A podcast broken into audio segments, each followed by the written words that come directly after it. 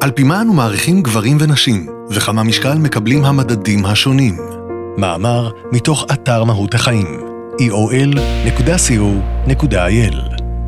עשירית השנייה זה כל מה שדרוש לנו כדי לגבש רושם ראשוני ביחס לאדם שזה עתה ראינו. ובדגש על ראינו, כיוון שבעשירית השנייה לרוב לא נספיק אפילו לשמוע את קולו.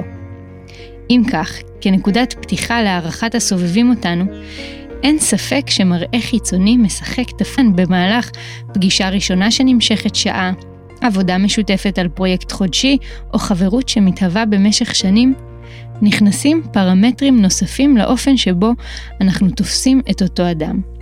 ועם זאת, מסבירה קליאו אברהם, מפיקה בווקס, כשזה מגיע לתרבות היופי, נראה שההתעסקות במראה החיצוני, בעיקר של נשים, נוטה להמשיך להעסיק את הסובבים גם לאחר היכרות ארוכה. היא מציגה מחקר שנערך ב-2019, ובו נאספו ונותחו מילות תואר משלושה וחצי מיליון ספרים בשפה האנגלית. כשישבו בין 200 מילות התואר השכיחות ביותר לתיאור דמויות גבריות ונשיות, נמצא כי השימוש בתיאור המראה הנשי היה שכיח פי שניים. זאת לעומת תיאורי אופי שהיו נפוצים יותר באופן מובהק בציור קווי הדמויות הגבריות.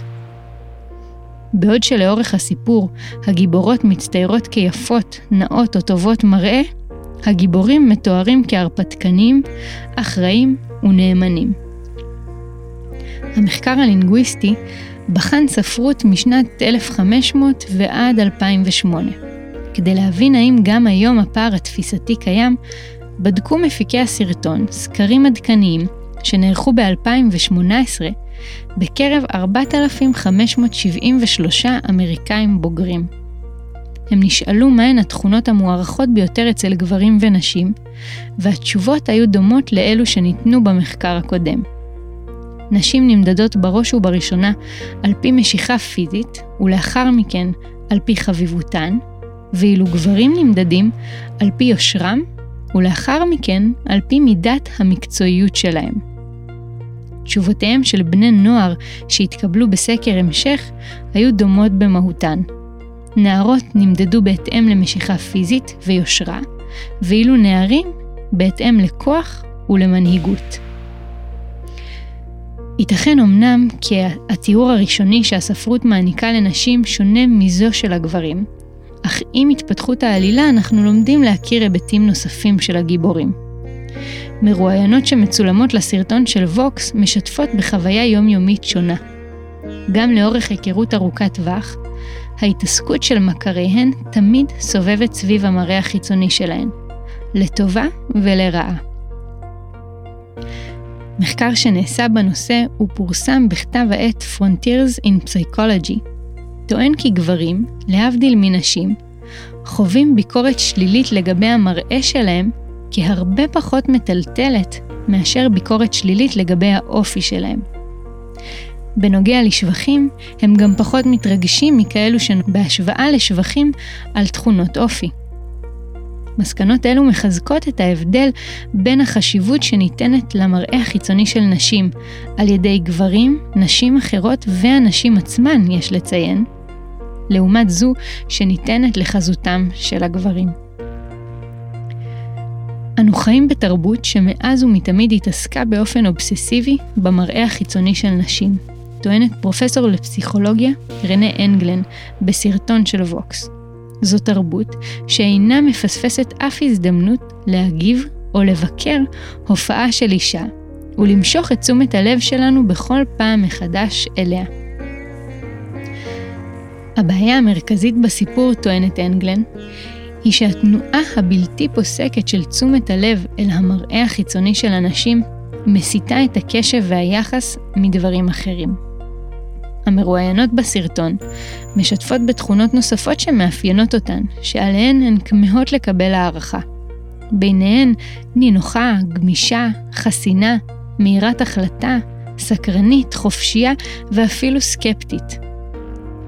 בעוד שהחברה בהחלט פותחת את שעריה בפני מגוון רחב יותר של סגנונות יופי, והיום כמעט כל אחת יכולה לייצג את האידיאל. יופי עדיין נשאר הערך המרכזי שעל פיו שופטים נשים, מסביר כריסטוף האובורסין, מפיק נוסף של הסרטון. אם נשים רגע בצד את המראה החיצוני, ההבדלים ביחס שניתן לנשים ולגברים מתחיל כבר בגיל מאוד צעיר. בכתבתה ב Time מספרת קריסטינה דל על מחקר שפורסם ב-2014 בכתב העת הבריטי לפסיכולוגיה התפתחותית. המחקר מצא כי אימהות מנהלות יותר שיח רגשי מאשר אבות, כך שהן המקור ללמידת שפת הרגש ופיתוח אינטליגנציה רגשית, והן, כך מסתבר, מנהלות את השיח הזה עם בנותיהן יותר מאשר עם בניהן כבר מגיל ארבע. באופן בלתי מודע, טוענת דל, הן מעגנות סטריאוטיפים אצל ילדיהן. אינטליגנציה רגשית היא מסבירה, הכוללת בתוכה את היכולת לתמלל רגשות ולשוחח עליהם, מעבר להיותה משמעותית באינטראקציה חברתית, נמצאה גם קשורה להצלחה בלימודים. שני היבטים שללא ספק חיוניים עבור ילדים וילדות כאחד. אם אתם מגלגלים בראשכם את המשפט המוכר, כל הכבוד, איזה ילד גדול וחזק אתה שאתה לא בוכה, אין זה מפתיע ביחס לעובדה כי בנים נוטים להיות מודרים משיח רגשי, ומוערכים כבר בהיותם נערים על חוזקם וכושר מנהיגותם. ובאותה נשימה, ניתן לתהות לגבי המחמאות השכיחות ביותר שלהן זוכות ילדות כבר מגיל צעיר. האם הן עוסקות בכושרן הגופני, בחוש ההומור שלהן, או בחדות המחשבה? או ביופיין ובתפארת סמלותיהן. הפסיכולוג הקליני, פרופסור ג'ורדן פטרסון, מתייחס לנושא השוויון בין המינים, בריאיון שהעניק ליזם השוודי אלכסנדר פרלרוס, הוא מסביר שכשדנים בעניין אי אפשר להתעלם מההבדלים הביולוגיים הבסיסיים שקיימים. בניגוד למה שאולי משתמע אינטואיטיבית מאמירתו, פטרסון מסביר כי גברים ונשים הרבה יותר דומים משונים.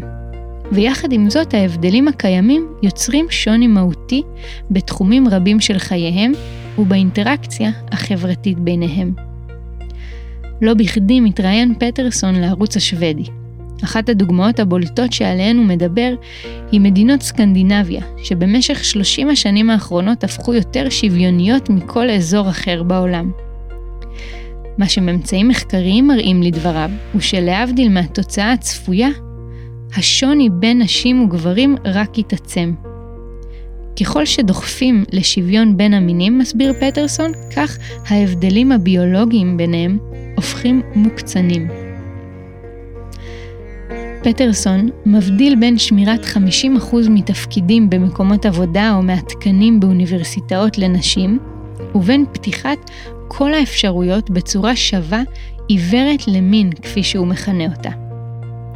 הוא מאמין בשוויון הזדמנויות, ובתפיסה חברתית שעל פיה לנשים וגם לגברים ישנו הפוטנציאל להתאים לכלל התפקידים. ובאותה נשימה, הוא אינו תומך בדחיפה של נשים לעבר משרות גבריות כביכול, ולהפך. אחד ההבדלים הפסיכולוגיים הגדולים ביותר בין גברים לנשים, הוא מסביר, הוא שגברים מתעניינים יותר בחפצים, ונשים מתעניינות יותר באנשים. השוני הזה, הוא מרחיב, מהווה גורם מבחין עצום בנטייה ההתעסקותית. פטרסון מסביר כי נשים, מעצם היותן מוכוונות ברמה הביולוגית והפסיכולוגית להיריון וטיפול בתינוקות, נוטות להימשך יותר לבני אדם מאשר לאובייקטים ולהימנע מסכנות. נטיות אלו הן שמובילות אותן לעסוק במקצועות שונים מאלו של גברים, ואף להיות מאוד טובות בהם. נסתייג ונציין כי גם בתוך השיחה המכלילה הזו, כמובן שהמנעד האנושי הוא רחב, וישנן נשים שנטייתן הטבעית דומה יותר לזו שנתפסת כגברית ולהפך. אבל באופן כללי, טוען פטרסון, אם תאפשרו לנשים ולגברים לבחור, הם לא יבחרו את אותו הדבר. והוא לא רואה בזה דבר שלילי, אלא אופן משלים ומאוזן, שמרכיב את החברה האנושית. האם אנחנו מאפשרים שוויון הזדמנויות? שוויון שכזה לא בהכרח מסתכם בפתיחת הדלתות של העולם המקצועי בפני כולם. בהתבסס על כל המחקרים שהצגנו, מתחיל הרבה קודם. במאמר שפורסם ב-Zero to 3, ארגון ללא מטרות רווח שעוסק בשיפור איכות החיים של תינוקות ברחבי העולם. בוחנים הכותבים את ההבדלים ההתפתחותיים בין בני ובנות שלוש. נתחיל מזה שישנם כאלו. לבנים ולבנות בגיל שלוש חזקות טבעיות שונות שמובילות אותם ואותן לשחק במשחקים שונים. באופן כללי קיימת גישה שמעודדת היצמדות לנטייה הטבעית שלנו, כיוון שהיא המפתח להצלחה. אך אל מולה ניצבת גישה שונה שטוענת כי דווקא מהתנסויות באזורים שאינם חזקים אצלנו, אנחנו לומדים הכי הרבה, מתפתחים ומתעצמים. הכותבים מצודדים בגישה השנייה, ומסבירים כי בשל המשיכה הטבעית של בני שלוש לחפצים, למשחקי פאזל ולמגדלים, הורים נוטים למלא את חדרם במשחקים מסוג זה. בעוד שבנות שלוש זוכות לחדר מלא בבובות, במשחקי מילים ופעילויות שמעודדות שיח שמושכות אותן. דחיפת משאיות על מסלול וטיפול עדין בבובות הם שניהם משחקים חיוניים לפעוטות, הם כותבים, ומסבירים כי דווקא מאותם משחקים שאינם נתפסים כטיפוסיים עבור בנים ובנות, הם ירוויחו רבות.